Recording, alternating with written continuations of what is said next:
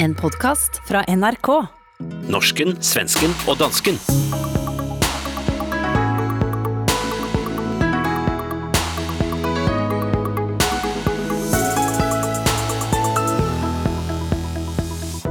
Endelig skulle vi få vite svaret.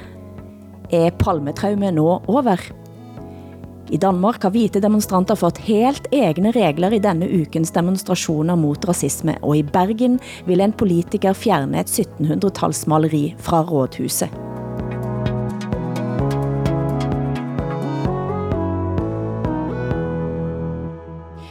Velkommen til Norsken, Svensken og Dansken. Som vanlig i Stockholm, Åsa Linderborg. I København, Hassan Preisler. Og mitt navn er Hilde Sandvik i Bergen. Mens corona fremdeles var den eneste saken vi skulle snakke om, så spådde du også at identitetspolitikken nå var død og begravd. Og senest for tre uker siden så mente du, Hassan, at dette aldrig ville nå Danmark. Selvransakende som vi er, så skal vi selvsagt til bunds i hvor fejl vi tog. Men aller først. Sveriges statsminister Olof Palme är död.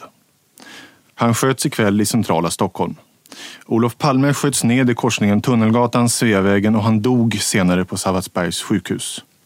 Regeringen är informerad. Finansminister Kjell-Olof Feldt och vice statsminister Ingvar Carlsson är informerade och de bekräftar båda att Olof Palme har avlidit.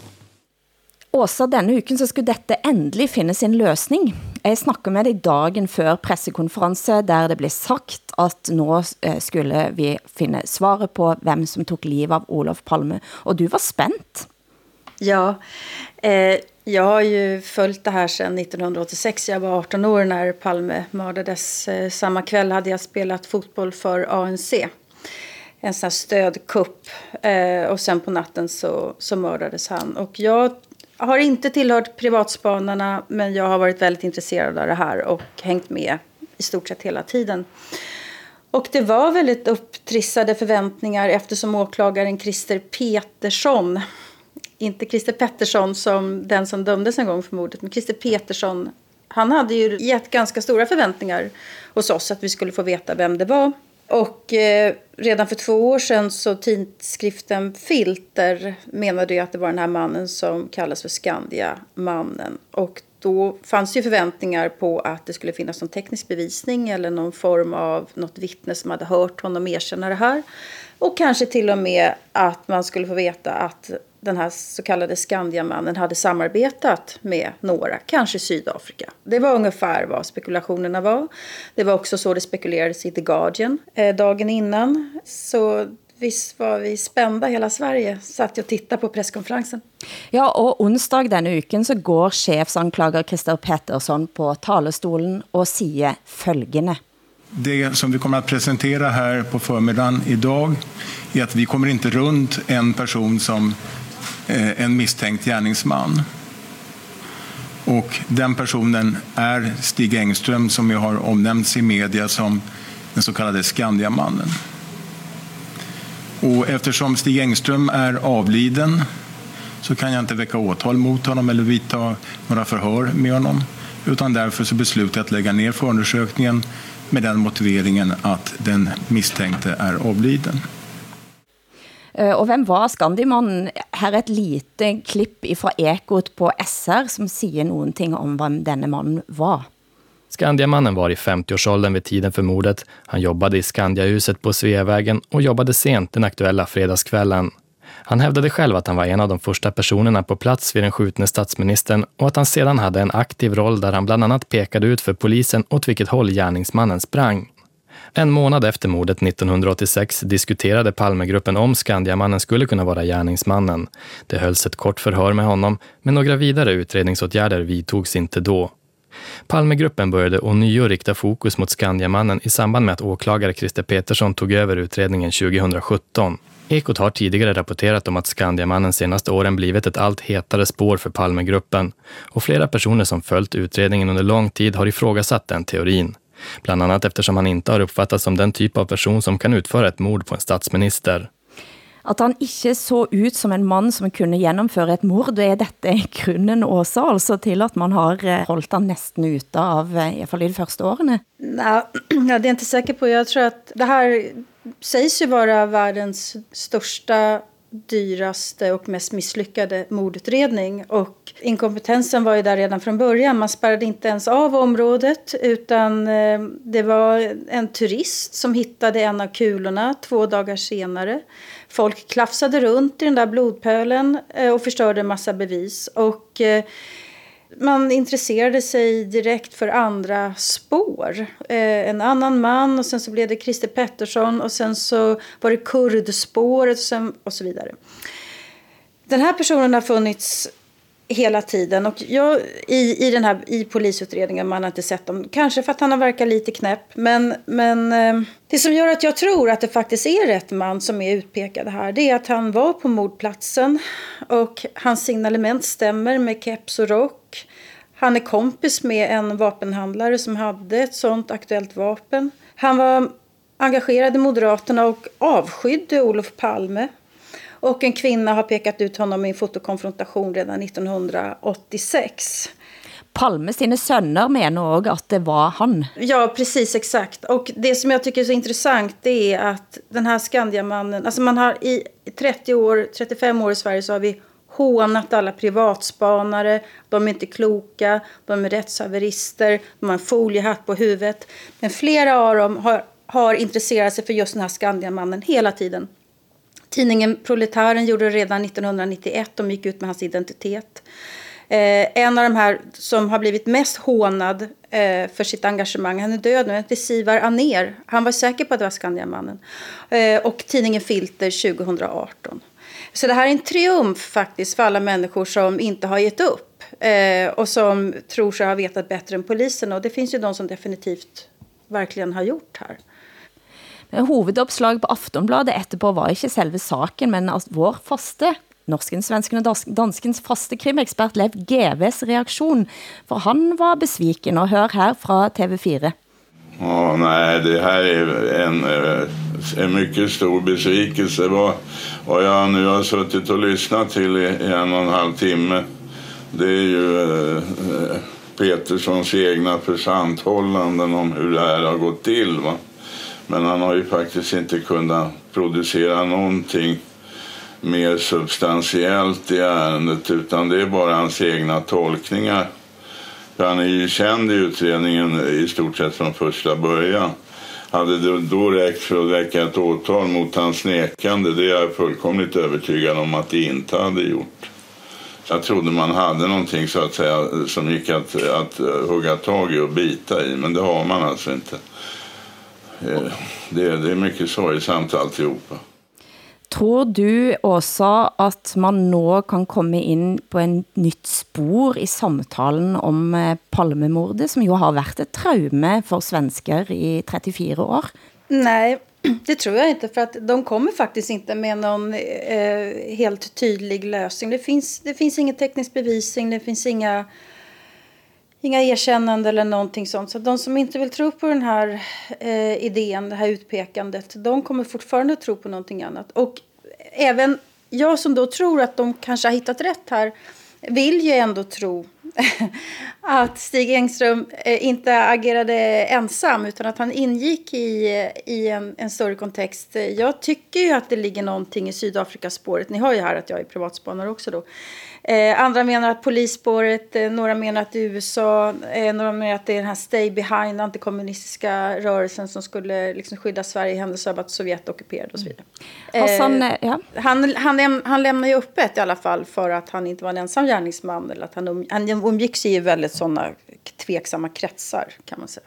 Du sa, eh, da vi snakkede sammen lidt før, at uh, du håbte på Sydafrikasporet. Ja, det är klart att jag gör. Varför gjorde du det?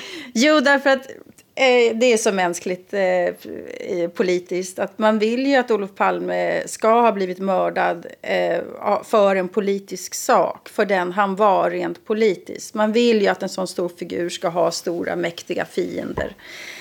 Eh, såklart. Då blir den här eh, Palmehatande knäppisen han är inte tillräckligt värdig, Olof Palme. Det är väl så jag tror att vi tänker. Men, men faktum är att han var ju så illa avskydd av väldigt, väldigt många. Och inte minst av apartheidregimen i Sydafrika. och boeraktivisterna.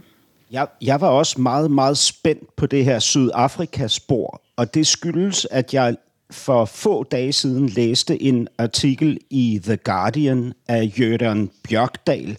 Jørgen Bjørkdal er svensk diplomat i Burkina Faso og privatdetektiv og har arbejdet sammen med den danske dokumentarist på filmen om mordet på Dag Hammarskjöld. Mm. Og Jørgen Bjørkdal har ved et tilfælde faldet over nogle papirer, som så har ført ham til en sydafrikansk general, som har ført ham til endnu en sydafrikansk general, som har ført ham til endnu en sydafrikansk general. Alle tre generaler, der arbejdede i den sydafrikanske sikkerhedstjeneste på den tid, hvor Palme blev myrdet. Og de her generaler, de siger altså, at der er sydafrikansk involvering i mordet på Palme, ifølge Jørgen Bjørkdal. Og Jørgen Bjørkdal gik så langt, at han fik etableret et møde mellem den svenske efterforskningsenhed og det svenske sikkerhedspoliti og de her øh, generaler fra det sydafrikanske sikkerhedspoliti. Og det møde, det var den 18. marts. Mm. Og jeg var jo helt sikker på, at der nu her tre måneder efter ville komme informationer om hvad der så opstod på det møde. Og jeg havde jo også ligesom Åsa håbet på af en eller anden besynderlig årsag, at det præcis ville være det her spor, der var det rigtige spor. Vad sker vidare nu tror du också? Jag tror, jag kan ju leva med den här lösningen så att Jag tror att många känner det också. Eh, han är, den här Stig Engström, han är ändå plausibel. Alltså man känner att det är, det är inte helt omöjligt att det skulle kunna vara han. Mm väldigt, väldigt många journalister är ju glada att det här är över. Alltså så många rubriker som jag har gjort genom åren som har varit helt misslyckade faktiskt. Att, som journalist är, är det jätteskönt. Men vad är det, tror du, som har gjort att Palmemordet blev dannende för flera generationer svenskar, hela det svenska samfundet? Palme mördade sin tid när hela Sverige förändrades. Det, jag tror att det är det som är lite av... Dels så var han ju, han var ju exceptionell, alltså den enda eh, svenska politiker som, som hade internationell strålglans. Han var ju oerhört respekterad men också fruktansvärt hatad och det måste man komma ihåg. Och det var inte bara höger som hatade honom utan även vänstern eh, hade starka, starka aversioner mot Palme. Men sen så kommer då ett nytt samhälle och, och, Sverige var redan i förändring men hela den här nyliberalismen som, som hade hunnit snabbare i andra länder den kommer till Sverige ungefär nu. Eh, och så att, det, så att socialdemokratin blir inte den som vi var van med och då sätter man det i samband med mordet på Olof Palme att det blir liksom skottet där också startskottet för, för ett nytt Sverige som har ökat orättvisorna tycker man och sådär. Och då blir Palme, får han en ny glans liksom, eh, om hur mycket bättre det var förr och så. Och sen att, att man inte grep den här mördaren. Något av det jag synes är fascinerande med, med att se på svensk politik är att centrala socialdemokrater också kommer från överklassen, väldigt tydlig överklass, och det gjorde också Palme. Eh, ja, det, det gjorde han, men, men den som efterträdde honom, Ingvar Carlsson, det var ju en arbetargrabb och sen kom Göran Persson, arbetargrabb. Men som bor på ett gods? Ja, ja, jo, jo, absolut. Och, och sen så har vi nu Stefan Löfven, arbetargrabb. Det är ganska, det skulle jag säga mer ovanligt om man jämför internationellt. Du hører norsken, svensken og dansken i SR, DR og NRK.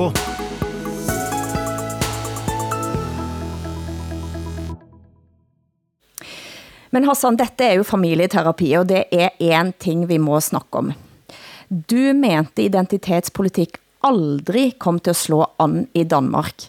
Har du forandret syn de sidste ukene? Ja, men det, prøv at høre, det er jo helt ekstremt. Altså, det er, det er simpelthen så chokerende, at jeg, altså, jeg, jeg vågnede klokken tre i nat, og, og kunne ikke længere sove, fordi der er, altså, der er opstået sådan en lyntendens i Danmark med, at man kan kalde hinanden ting, som altså som jeg simpelthen troede, vi havde passeret at kalde hinanden, med mindre der virkelig var årsag til det. Ikke? Altså, jeg er blevet kaldt racist og sexist inden for de sidste to døgn af flere personer på Facebook. Ikke?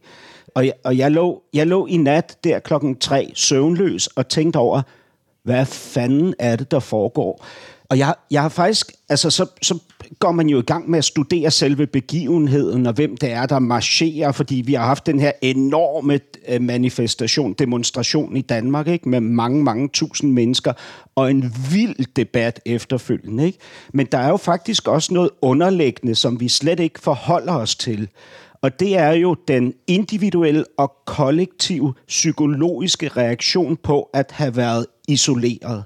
Så da jeg ikke kunne sove i nat, så begyndte jeg at prøve at studere det fænomen. Altså, hvad er det, der sker med os, øh, når vi ligger derhjemme?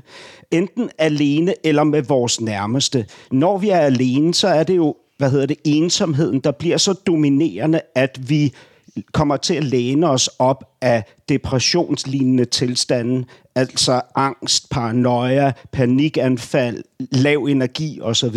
Ikke? Men endnu, men endnu vigtigere, hvis vi går i et hjem sammen med vores børn og vores partner, ikke? så sker der faktisk også noget, som ikke er godt. Fordi mennesket har brug for at kunne trække sig væk fra andre mennesker. Og når vi ikke kan det, så eksploderer vores hjerner. Men vi ved per automatik, at vi kan ikke begynde at slå vores børn eller råbe af vores partner. Så derfor har vi brug for et andet outlet. Og den helt traditionelle øh, efter bogen reaktion på det her, det er, at man finder øh, bekendtskaber i periferien, som man så udsætter for sit had. Og jeg tror simpelthen, det er det, der sker lige nu. Jeg tror, Danmark er gået amok på grund af isolationen. Altså i uken protesterte 15.000 i København med et eget sæt demonstrationsregler. Hør her fra TV2 Fyn. Når bevægelsen Black Lives Matter i morgen eftermiddag byder velkommen til demonstration på Banegårdspladsen i Odense, ja, så bliver det med klare instrukser til hvide deltagere om, hvad man som demonstrant må gøre og sige. Det afhænger nemlig af, hvilken hudfarve man har.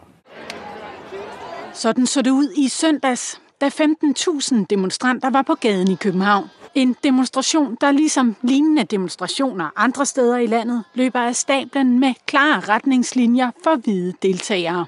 Under overskriften Protestetikette for hvide beder bevægelsen Black Lives Matter hvide fremmødte om ikke at deltage i demonstrationens centrale protestråb, om at afholde sig fra at tale med pressen, eller som her om ikke på egen hånd at starte sange eller fælles råb. Hvis man er utilfreds med det, så må man blive hjemme.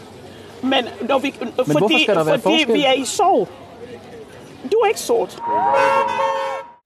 Til slut hørte vi her Balia Sørensen, som har præget nyhedsbilledet den sidste uken. Og hvem er hun, Hassan? Jamen, hun er jo talsperson for Black Lives Matter Danmark, og, og en meget øh, kontroversiel karakter. Altså, hun er øh, tydeligvis elsket og beundret af dem, der følger hende eller, eller sympatiserer med hende og hendes udtryk, og så er hun forhat af rigtig mange andre, som synes, at hendes øh, retorik og øh, indholdet af retorikken er grænseoverskridende. Altså når hun for eksempel kalder Amnesty International Danmark for øh, en racistisk organisation, og når hun øh, øh, foretager de her pengeindsamlinger uden at have fået tilladelse til det, om vi ikke ved, hvor donationerne øh, forsvinder hen, og så videre. Altså, hun er en person, som står i orkanens øje, og, øh, og, og det, det bliver jeg jo også, det, det er jo også noget, jeg gør mig tanker om. Altså, hvordan er det at stå i centrum af noget, der går så meget amok? Og det, det tænker jeg, at man, altså det er meget, meget få mennesker, der vil kunne håndtere det og bevare forstanden. Øh, jeg vil ikke kunne. Og jeg, jeg har jo et øvrigt, i øvrigt et, et slægtskab med Boalia Sørensen, i og med, jeg hedder Hassan Prejsler uh, Boalia Sørensen. Altså, der er sådan en sammensathed i de der navne, ikke? Uh, nogen vil sige en kulturel splittelse. Jeg vil sige en kulturel gave. Egne regler for hvite. Har det været uh, etiketten ved demonstrationerne i uh, Sverige?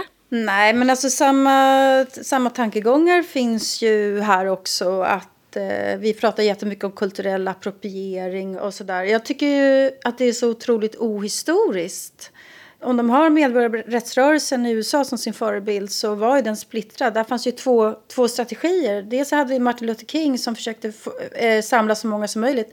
Och sen så fanns Malcolm X som gick på den separatistiska linjen. Och det var ju Martin Luther King som hade störst genomslag. Och sen så på slutet så, så liksom började de samarbeta. Men det var liksom lite för sent för, för Malcolm X där. Eh, hela Sydafrikafrågan, Nelson Mandela. Tydlig med ANC, tydlig med att de vita, deras bidrag till våran kamp är helt avgörande för att vi ska nå några framgångar. Kvinnor skulle inte ha fått rösträtt ifall inte män till slut också hade, hade ställt sig i, i kampen för, för våra rättigheter. Men vad jag tycker är så tråkigt med det här det är ju att man betonar människors skillnader istället för att betona våra likheter. Eh, vi är ju alla människor och vi har samma behov av eh, social rättvisa, av det här jättelöjliga ordet som har kommit nu, av värdighet och respekt och sådär. Mm. Eh, att kunna försörja oss och samarbeta. Vi är helt enkelt människor allihopa. Men sen också finns ju i, ident i identitetspolitikens värsta liksom, skruvade form så finns ju en idé om att alla människor som har en särskild hudfärg också har exakt samma erfarenheter men också exakt samma åsikter att man, man tycker likadant på grund av att man är svart. Eller alla vita tycker likadant på grund av att de är vita. Och där blir det ju så generaliserande och så schematiskt och helt enkelt fel. Om man... Den uken så hade jag... Ja, och så. Får jag ta ett exempel? Eh, när identitetspolitiken blev alldeles som mest skruvad. Det var när jag var i Norge, det var på 22 juli-centrumet eh, där och så var det en debatt. Och så, så är det då en, en kvinna som eh, företräder någon form av rättviseförmedling som nu har bara kommit i Norge. Det är sådana identitetspolitiskt drivna kommersiella företag. Och hon menade på fullaste allvar att man, det är bara homosexuella muslimer som får prata om att det eventuellt kan finnas homofobi i vissa muslimska miljöer. Eh, vi andra får inte säga det, utan det är bara homosexuella muslimer som får säga att det eventuellt finns. Eh, och då kan man säga, då förstår man inte värdet av politisk kamp överhuvudtaget. För de, de homosexuella muslimerna tror jag behöver allas hjälp. Denne uken så havde jeg faktisk eh, en eh, samtale med Sara Omar, den danske kurdiske forfatteren på Litteraturhuset i Bergen, sendt på web, der hun siger også i det, den samtalen, at kampen for muslimske kvinder skal vi alle ta. Jeg mener, og jeg ved, at hvis du som øh, hvis du kommer og, og spørger ind til en kvinde, om hvordan hun har det, om hun har problemer, og interesserer dig for problematikkerne mm. med henblik på at løse dem og gøre det med kærlighed, ja. jamen så, så er du jo ikke racist, mm. og du skal ikke kaldes for racist. Mm. Og, og, og, og det der med, at øh, den muslimske, de muslimske kvinder skal selv tage deres egen kamp og skal selv kæmpe for dem selv, det er også sandt. Men vi har brug for jer. Mm. Vi har brug for jeres erfaring. Mm. Vi har brug for jeres viden. Vi har brug for jeres øh, øh, øh, frigørende tanker. Vi har brug for hinanden, fordi i sidste ende vi fuldender hinanden. Den kamp, jeg kæmper, den kamp har I kæmpet. Og I er langt foran os. Derfor har jeg altid brug for, at du også er deltager, at andre deltager. Fordi vi kan kun gøre hinanden klogere på den kamp, vi kæmper. Mm. Uh, så det der med, at uh, vi har en gruppe, eller en stor procentdel i Europa, uh, især i Sverige, som slet ikke snakker om problemerne, fordi man vil ikke betragtes som islamofob og racist og alt det her. I sidste ende koster det liv. Der er jo sådan et øh, e-, e-, eksklusivitetsbegreb. Det kan jeg jo også huske dengang jeg var en del af de her identitetspolitiske bevægelser, ikke? At der betød, øh, eksklusiviteten betød enormt meget, fordi det gav jo det gav jo mig en særlig position, hvorfra jeg havde ret til at tale uden at blive afbrudt, fordi jeg var den eneste, der vidste noget om lige præcis det her. Ikke? Øhm, men altså, jeg, jeg synes jo, altså det store problem med identitetspolitikken, som vi jo også er mange, der basher på for tiden, ikke? det er jo, at den udlader det vigtigste begreb af ligningen, og det er kærligheden. Ikke? Altså kærligheden er ikke en del af identitetspolitikken, og jeg har lært, at jeg kan ikke følge bevægelser, som udlader kærlighed af ligningen. Det kan jeg ikke. Og så, og så er jeg, jeg er også stor blevet, med årene er blevet stor tilhænger af pluralisme. Altså, det er simpelthen noget, jeg synes er spændende. Det er noget, der er tiltrækkende. Jeg elsker, at der er mange muligheder for at se tingene øh, øh, fra forskellige perspektiver, og at der er en udveksling, fordi jeg tror på, at det er sådan, vi bliver bedre og klogere. Ikke?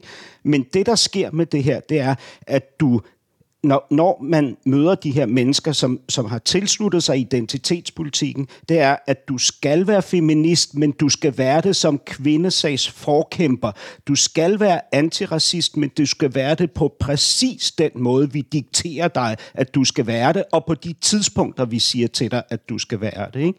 Og det paralyserer mig som menneske. Jeg er ikke til stede som en organisk masse. Jeg bliver en papfigur, ikke? som kun kan gøre én ting, og det er at marchere. Ikke?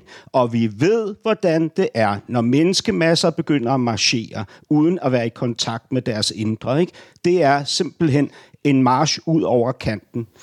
Alltså, vi har ju i Sverige någon diskussion om att alla måste visa sitt stöd för Black Lives Matter. Om man inte gör det så blir man misstänkliggjord att man faktiskt inte är antirasist på riktigt. Och det är så här, we count you, vi, vi ser dig och vi vet ifall du inte aktivt stödjer det här. Som journalist tycker jag inte att jag kan stödja någonting egentligen. Men som, som privatperson kan jag naturligtvis göra det. Men jag vill inte göra det på de där villkoren. Och jag vill framförallt inte bli misstänkliggjord att jag inte är antirasist för att jag inte eh, går en sån här demonstration eller postar någonting på sociala medier jag visserligen inte är till stöd för, för det här. Eh, det är väldigt tuffa tag nu. Det är, man, man är väldigt, väldigt snabb med att, att sortera in folk. Selv i journalistikken har en sett tendenser til det. Journalister har det. Alltså, jag tycker det är så spännande att se hur, hur västerländska liberala medier eh, så aktivt stödjer Black Lives Matter samtidigt som samma medier hade så fruktansvärt svårt för de gula västarna i Frankrike. Det var bara avskum, de var primitiva, de var våldsamma, så här får man inte göra. Eh, det var inga problem att Macron eh, satte in nationalgardet och sköt ögonen med gum, som gummikulor, gjorde folk blinda. Det var inga problem. Eh, men det här, det är eh, store halleluja kring det. Nej, altså i New York Times så måtte de gøre av med sin eh, debattredaktør, fordi han satte på tryk et indlæg fra en, som, eh, en, en republikaner som forsvarte at gå ind med nationalgarden. Ja, men framförallt så säger det någonting att man inte förstår vad en debattsida är till för. Eh, debattsidan är ju till för att det ska vara högt i tak och där ska eh, i stort sett alla åsikter få komma till tal som det naturligtvis inte bryter mot hets mot folkgrupp eller sådär. Men det här är bara ytterligare ett exempel på att allting ska vara trygga rum. Och det är ju drömmen om paradiset egentligen. Att eh, man ska öppna en tidning eller man ska gå in på ett universitet eller man ska gå in på en bokmässa whatever. Och där ska man aldrig kunna bli kränkt eller känna att man mår dåligt eller känna någon smärta. Det är, det är vänsterns idiotiska och liberalens idiotiska idé om paradiset. Och det finns ju inte. Och så Sydsvenskan har nu gjort sig av med en av sina ledarskribenter. Ja, det är samma sak i, i Sverige med, på precis samma grunder. Och det är helt livsfarligt tycker jag. Men det är tidstypiskt, det är så det är. Eh, det som jeg har tænkt en del på de sidste ukene er, som du er så vidt innom Hassan, men det er også dette slags renhedskrave. Selv bodde jeg på Tom, i Tor Mølens gate på Mølenpris i Bergen, den centrumsbydel med flest indvandrere. Tor Mølen er navnet til en slavehandler. Denne uken så kom krav om at navnet på gaten og bydelen må ændres. Vad tänker du också om den typen eh, krav? Vi vill tippa att det eh, har samma diskussion i Sverige. Nej, men jag är ju inte konservativ. Jag tycker absolut att man kan riva monument, man kan välta statyer. Jag blev inte ledsen, särskilt när Notre Dame brann. Jag tycker man kan eh, bränna bibliotek så att man får köpa in liksom, nya perspektiv, nya böcker. Eh, jag tycker att det är helt okej okay att man tar bort en, en staty av kung Leopold. Eh, men man ska ju veta vad man gör. Man ska ju veta vad det är för, varför man river. Om det bara är symbolpolitik och det inte finns liksom viljan till ett helt nytt samhälle bakom så, så, så är det bara löjligt. Jag tänker på Ukraina där man tog bort alla gamla eh, sovjetiska ikoner. Så nu har man rehabiliterat fascister från andra världskriget istället. Så de har fått nya statyer. Man måste ju veta vad man, vad man gör. Jag tycker absolut att Holberg Plass i Oslo ska få vara kvar till exempel. Det är bara löjligt att byta namn på det där. Synes du det, Hassan? Skal vi fremdeles ha Holberg Plads? Jamen, altså, øh, Holberg var jo en lille bitte figur i det her, ikke? Han ejede vist øh, 17 rigsdaler, som han havde fået fra øh, sin families slavehandel, tror jeg. Altså, det var øh, virkelig få penge, og nu bliver han også trukket ind i det, ikke? Men det illustrerer jo meget godt, hvorfor jeg er dybt uenig med dig, Åsa, på det her område. Øh, fordi jeg, jeg kan simpelthen ikke finde ud af, hvor vi skal trække øh, stregen i sandet. Ikke? Altså, ja, kong Leopold var en frygtelig person. Ikke? Han slog mange millioner mennesker ihjel. Ikke? Og det er jo tydeligt, at at det har haft store konsekvenser for, øh, for de oprindelige amerikanere, at Columbus kom derover. Ikke? Og Colston var en, en, en ekstremt øh, dominerende slavehandler. Det, det er tydeligt nok. Men hvor sætter vi grænsen? Altså, og når folkedomstolen er ude at marchere, ikke? hvem bliver så de næste. Ikke? Hvad med Strandberg og hans øh, kvindesyn? Han mente ikke, at kvinder skulle have magt, Strandberg. Han siger, uh, se i frøken Julie, hvordan det går, når kvinder får magt. Ikke? Hvad med Bergman? Hvad med Astrid Lindgren? Skal, der, altså, skal hun fjernes? Nej, men, altså, August Strindberg var faktisk for kvindelig rösträtt. Det måste jag faktiskt säga. Han var for, for seksuel ligestilling. Han anklagede sig for kvindehatare. Han var for seksuel ligestilling, ikke? Jeg elsker Strindberg. Men han mente ikke, at kvinder skulle have magt. Men, men anyway, du, du er ekspert på det svenske. Uh, så lad os uh, holde os til det danske i stedet for, ikke? Grundtvig, vores stamfader, hans to brødre var i Vestindien og tjene penge, ikke? Grundtvigs brødre var i Vestindien. Det var meget, meget tæt på, at Grundtvig tog der ud. Ikke? Grundtvig har skrevet vores julesange, blandt andet Et barn er født i Bethlehem, og så videre. Ikke? Hvad, hvad, hvad skal vi gøre med Grundtvig? Hvad skal vi gøre med vores julesange? Ikke? Altså, øh, Øh, øh, vi, vi kan fortsætte ud i det uendelige. Hvad med Gandhi? Han var sexist. Lad os fjerne statuen over Gandhi. Dalai Lama, som vi tilbeder, ikke? som en, en levende gud. Ikke? Han er en enevældig konge, som alene har sin magt, fordi Gud har udpeget ham.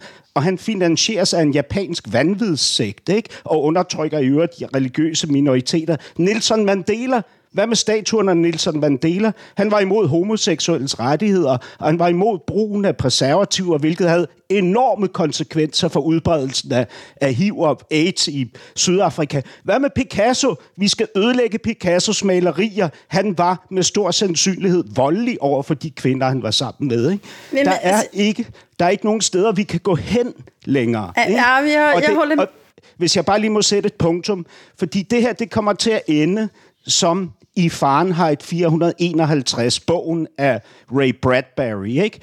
hvor alle bøgerne bliver brændt af staten, men ikke fordi staten vil censurere, fordi alle de forskellige minoriteter fandt noget at være krænket over i bøgerne, således at der ikke længere var noget indhold i dem, der var kun fodnoter tilbage. Og når kunsten er reduceret til fodnoter så kan staten gå ind og brænde den. Jag är ju lite mer revolutionär. Eh, jag tycker ju att eh, man absolut får välta statyer. Jag tycker man ska vara pragmatisk däremot. Jag, jag, ser, jag fattar inte man kan försvara värdet av, att, att, av en staty på kung Leopold. Jag fattar inte varför Stalin ska stå staty eh, i Ukraina. Eller, alltså jag, jag förstår faktiskt inte det. Eh, vi kan inte ha hur många statyer som helst. Man måste göra så med vissa. Man måste riva vissa byggnader. Man måste liksom rensa upp lite. Det, det tycker jag. Men det kan man göra, det kan man göra med, med viss finess. Vem ska bestämma det? Alltså den pragmatismen. Vem är det som ska sitta och säga sån, jag är den pragmatiska. Jag vet att tatt av vinden må bort från HBO. Det håller jag med om. Det är, det är bara populism. Det kan jag säga. Det finns inga tror jag, filmkonsumenter som, som är glada över att man tar bort Borta med vinden. De har tagit bort Little Britain, också den här brittiska. Eh, och argumentet är att den är rasistisk. Eh, problemet med Little Britain är väl visserligen det. Men det är också att det är djupt, djupt klassförakt med den här eh, kommer ni ihåg den här tjejen i rosa eh, overall som är fullständigt dum i huvudet? Ett monumentalt klassförakt. Jag tycker inte folk har några problem. Det har fått hålla på alla år. Jag tycker inte man ska censurera någonting som har med kultur att göra överhuvudtaget. Men jag tycker man har rätt att välta statyer. Däremot är jag inte säker på att jag tycker att Black Lives Matter nu ska få sätta, sätta liksom standarden för hur våra offentliga rum ska se ut. Men, men, men, men problemet er jo, Åsa, at du og jeg vil være uenige om, hvad der skal censureres. Ikke? Altså, du, du mener, at det er Little Britain. Nej. Uh, andre mener, at det er Gone with the Wind. Ikke? Jeg vil ikke... Oh, ja, okay. Mm. Uh, ja, for, for mit vedkommende er det Svampebob Firkant, fordi hans stemme er så skinner. Ja, men om du blir politiskt provocerad av honom, då, då får titta på någonting annat. Alltså om vi skulle bevara alla byggnader, alla statyer, allting hela tiden, så kan vi inte bygga någonting nytt. Nej, men det er jo ikke Men argumentet. spørgsmålet er, hvem bestemmer? Hvad? Hvem er det som, hvem skal bestemme, hvad skal ind og hvad skal ut? Ja, men det är ju det är ju processer. Det är ju processer som bestämmer. Ibland är det faktiskt revolution på riktigt, som i Östeuropa. Då, är, då välter folk statyer och det var ingen, ingen som tyckte att det var fel här i västvärlden. Nu vill man välta, eller vill, nu diskuterar man kung Leopold och då blir det plötsligt ett problem. Det är ju faktiskt absurt. Jo, jo men prøv, prøv at høre, der er jo forskel, fordi ja, hvis det er en arkitektonisk beslutning, fordi der simpelthen bare står Stalin-statuer på hver eneste hjørne, eller Saddam Hussein-statuer for den sags skyld, så er det da klart, så forstår jeg godt, at man er nødt til at rydde for at give plads til en anden fortælling i det offentlige rum. Men hver gang jeg i Berlin, min barndomsby, så tager jeg ud i Treptower Park, hvor der er et kæmpestort russisk monument, som er så spændende. Ja, det är så vackert också tycker jag. Det, og, og så smukt, ikke? Og det, og det er så berigende, fordi det fortæller mig noget om en anden tid, ikke? En anden tid på godt og ondt, ikke? Og det, det er vi jo berøvet for. Vi bliver berøvet for den del af det. Ikke? Vi har i øvrigt 6-7 danske konger, hvis statuer burde fjernes, hvis man trækker den her konsekvens helt ud, fordi den danske slavehandel foregik under deres regeringstid. Ikke? Men om man säger vem är det som bestämmer, om man då tittar på Östberlin, eh, så där, där heter det ju fortfarande Rosa Luxemburg Platz, det heter Karl Gatan och eh, Marx och Engels fortfarande så statyer, därför att det finns en folklig förförståelse att det här vill man ha.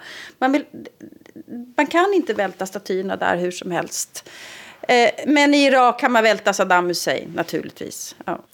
Men altså, eh, disse diskussioner her blir jo let antændelige.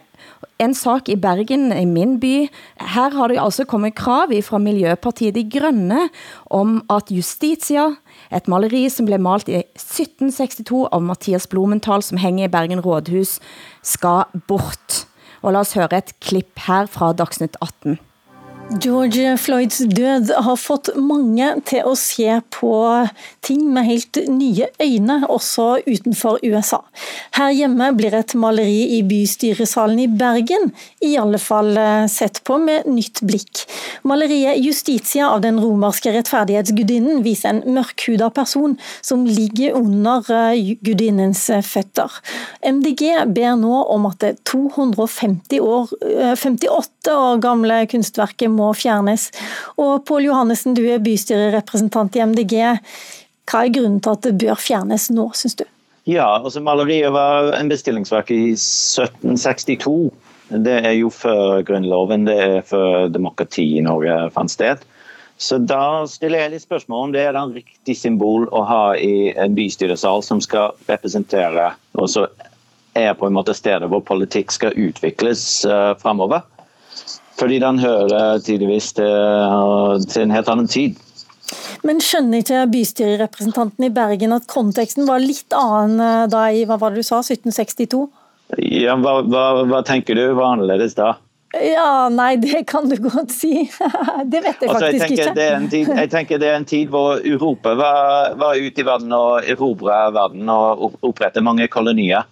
Og det fortsatt ligger mye strukturell rasisme i mange av disse landene som har, hatt, som har vært koloniserte tidligere. Mm. Så, så da tror jeg det er absolutt på tide nå å stille spørsmål om hvilke symboler vi skal ha med oss videre. Eh, jeg kan bare gi et lite visuelt bilde til radiolytteren. Eh, Justitia, malt av Mathias Blumenthal, så ser en at en menneskeskikkelse ligger under føttene til Justitia en Tisifone er en av furiene fra gresk-romersk mytologi, og furiene er beskrevet som døtre av mørke. Ofte beskrevet med en kullfarge, men også gennem tider tolker som lyse, så det er altså et mørkt menneske, som ligger en menneskelignende skikkelse under beina til Justitia.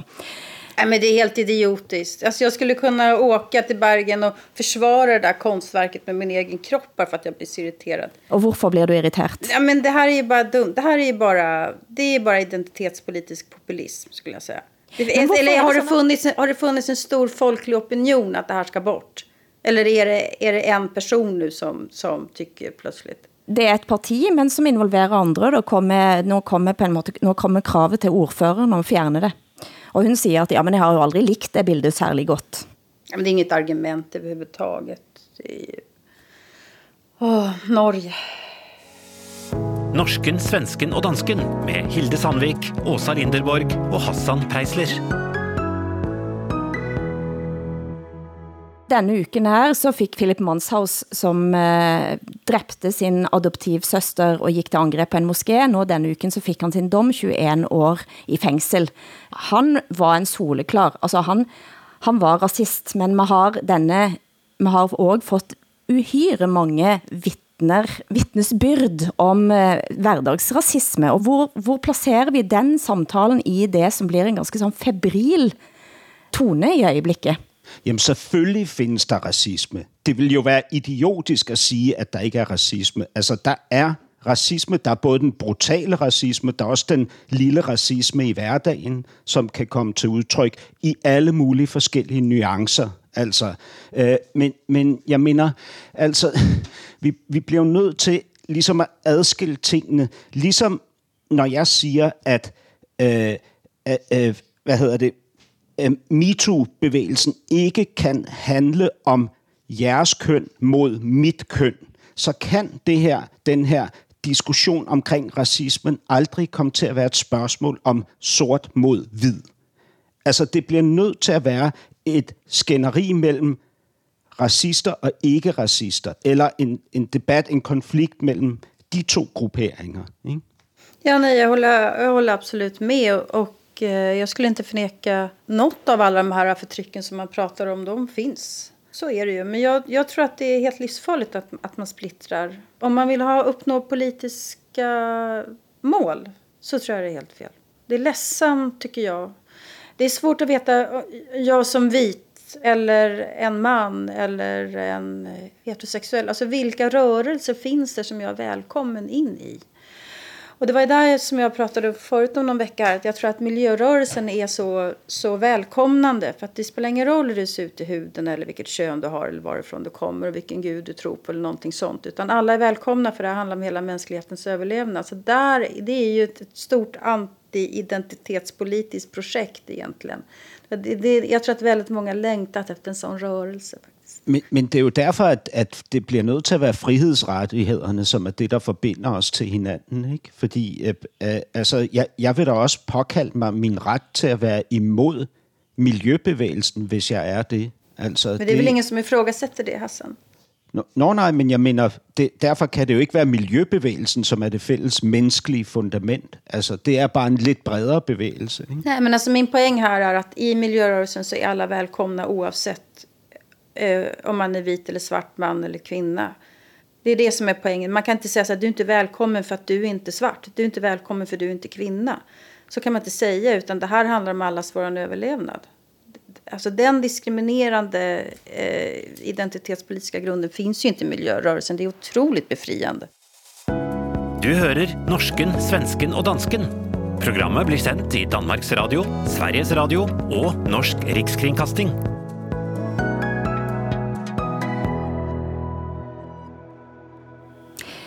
Hassan, vi må tilbage til nok en sak vi har snakket om i tidligere sending. Salg av vaccinefabrik til en arabisk sheik, som i ekstrabladet blev kaldt for en sharia-sheik. Dette er saken som slutter, altså aldrig slutter at give. Og hvad er det, som har skett nå?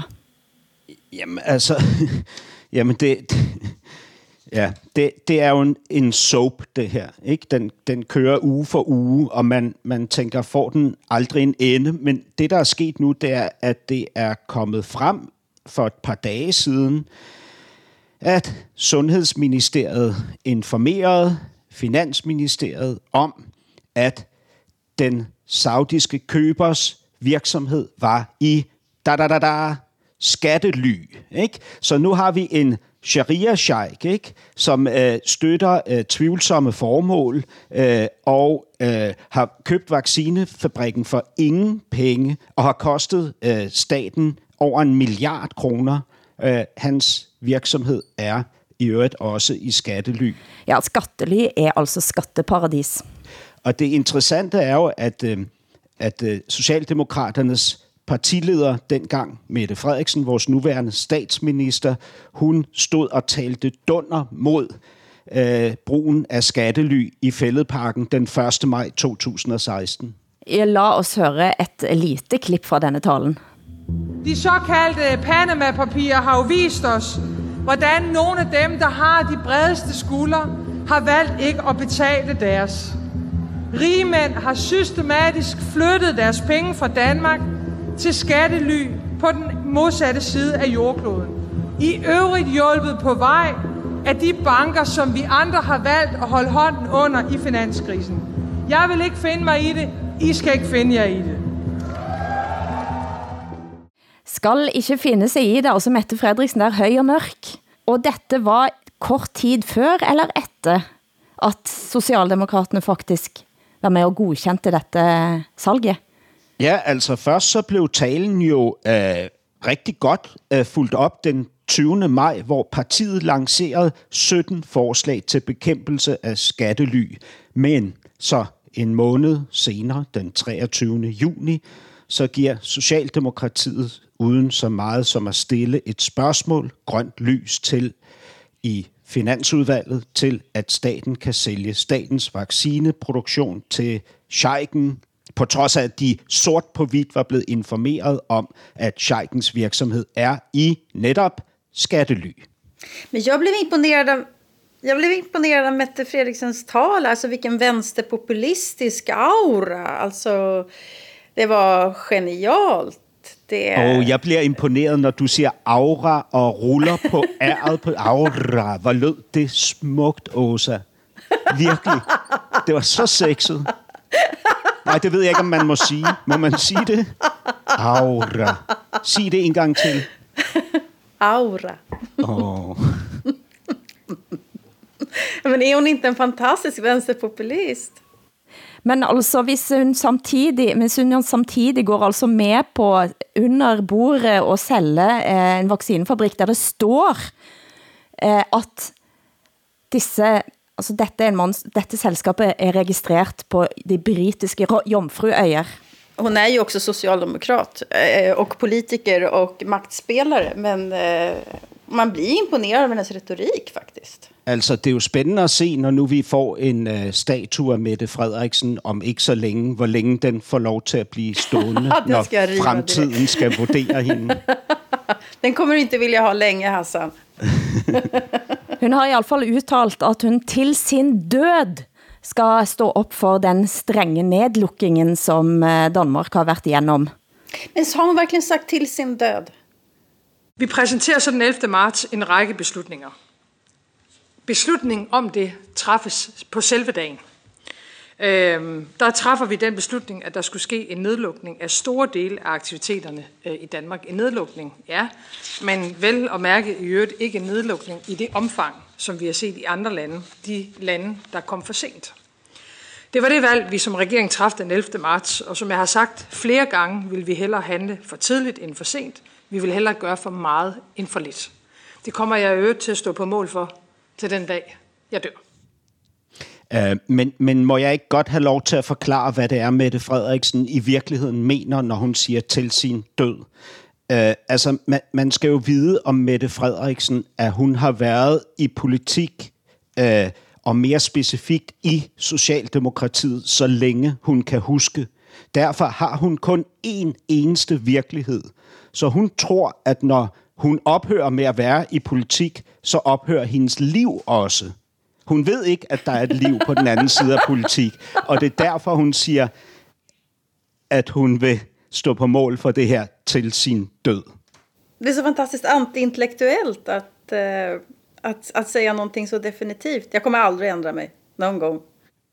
Jamen, det ved du jo godt, at det danske socialdemokratis strategi, det er at lægge så stor afstand til øh, de intellektuelle, som de overhovedet kan. Ikke? Så det er, hvad hedder det, dumhed er, er en del af deres strategi. Men retorisk eh, briljant ifølge Åsa. Ja, men det är hon ju. Det är, jag tycker det är fantastiskt. Och om man jämför med Stefan Löfven som står och mumlar och sådär. Så hon är ju distinkt när hon pratar. Enorm kraft och aura. Kanskje det skyldes alle disse forfatterne. Aura. Kanskje det skyldes alle forfatterne som er ansat eh, som taleskrivere her i eh, regeringen. Er det så? Ja, ja, det kunne det sagtens være. Altså, øh, hvi- hvis man graver lidt i det her, øh, det er jo normalt sådan, at når der er et markant, øh, en markant udtalelse fra Mette Frederiksen, så kommer den enten fra Matador, Shubidua eller Kim Larsen. Så jeg, jeg tror, hvis man graver lidt i det her, så vil man finde en sang eller et afsnit af Matador, hvor i der indgår en sætning, der hedder, jeg vil stå på mål for det her til den dag, jeg dør. Men Åsa, helt til slut. Vi må altså som nordmænd opklare en stor misforståelse. Nordmænd, som kan ha slumper til at høre TV4's nyhedsmorgen forrige uke, blev altså forvirret. For her bliver vi præsenteret for det, som skal være den norske Anders Tegnell. I dette klippet heter han Frode Forland, og så snakker han svensk. Hør her. Vi har nu med oss Frode Forland som är Norges motsvarighet till Anders Tegnell för en uppdatering. God morgon, god morgon och välkommen till svensk eh, TV. Eh, till att börja med, tycker du att det är utifrån ett smittspridningsperspektiv bra att svenskarna inte får semester i Norge? Ja, det, det finns ju en logik i att hålla en gräns stängd om man har en jättestor olikhet på tvärs av gränsen. Och det är ju tyvärr fallet nu mellan Sverige och Norge. Så det finns en logik i det. Ja, Frode, siffrorna talar ju sitt tydliga språk att eh, Norge har ju lyckats hålla ner antalet dödsfall betydligt bättre då än Sverige. Varför har ni lyckats så bra tror du? Jag tror det här handlar mest om, om timing och, och eh, de, eh, den, den hårda anslag av alla de åtgärder som blev gjort i samhället på den eh, 12, 12 mars. Man, man tog ju då många åtgärder på samma dag. Och det var ju den dag regeringen tog över och, eh, och sa att det här är en samhällsfråga. Det här är någonting som eh, gäller alla samfundssektorer. Det gäller inte bara hälsovården, hälso- och sjukvården. I Norge vil man nok si, at den som føles som vår Tegnell er assisterende helsedirektør Espen Nakstad. Men spørgsmålet om to også. Hvordan er Forlands svensk? Ja, det var jättefin svenska. Han lät som min gamla morbror. Ja, fint. Eller farbror menar jag. Ja, ja, fint. Fint var det. Imponerad. Men, men Hilde, Hilde du, du tager jo fuldstændig fejl. At, at, altså, det var jo ikke, det var ikke Frode, der talte her. Han er blevet eftersynkroniseret, for i, i Sverige forstår de jo bare ikke norsk og dansk. Men, men tema her, Åsa, for svenskene som lytter til, og som trodde de forstod veldig godt norsk pludselig, eh, det er jo ganske alvorligt. Dere slipper faktisk ikke ind her hos oss. Eh, kanske heller ikke hos Hassan. Nej, men vi är inte välkomna någonstans. Vi får inte åka till Norge, vi får inte åka till Danmark. Och Finland har nu bestämt att de öppnar gränserna, men inte för svenskar. Så vi ska sitta här i vår skamvrå. Och det värsta är att ni njuter av det. Jag ser nu hur Hilde ler åt det här. Hon liksom latter åt Hassans stort smil. De är jätteglada. Jo, jo. Nej, det passer ikke. Jo, nej, nej. jo, alla norskar, alla danskar, alla finnar njuter av att svenskarna inte får åka någonstans. Jag längtar efter er, ni längtar inte efter mig. Oh. Så kan man säga. Nej, det passer ikke. Nej, nej, jeg længes øh, meget efter dig, øh, Åsa. Au, nej. Men fatta, vad ska vi åka någonstans i Sverige? Vi får åka runt eh, i det här landet. Det är också fint. Sverige är fint. Sverige är jättefint. Det er sådan i Danmark i dag, at hvis man har været i Sverige på ferie, altså bare lige over på den anden side af broen og slå telt op et eller andet sted i Skåne, så skal man gå i 14 dages isolation, når man kommer tilbage. Det är inte värt det kan man säga. Nej, det er ikke det værd. På trods af, at, at Sverige er så dejlig en nation. Og jeg har lyst til at hylde Sverige på vej ut av dette programmet i dag. I anledning alle flaggans dag har vi i Norsk Rikskringkasting fundet frem til en kombination av det bedste fra Sverige. Du gamla, du fria og Leif GV Persson, en viral liten hit fra den svenske YouTube-kanalen Sanningen. Vi høres igen om en uke. Producent for sendingen har været Henrik Hylland Ylving. Tak til Hassan Preisler i København, Åsa Linderborg i Stockholm. Her i Bergen sitter jeg, Hilde Sandvik.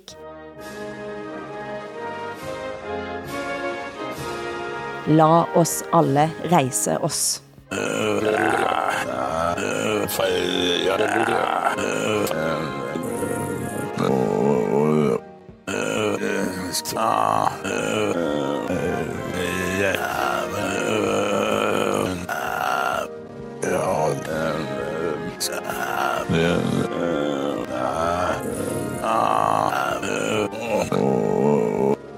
os.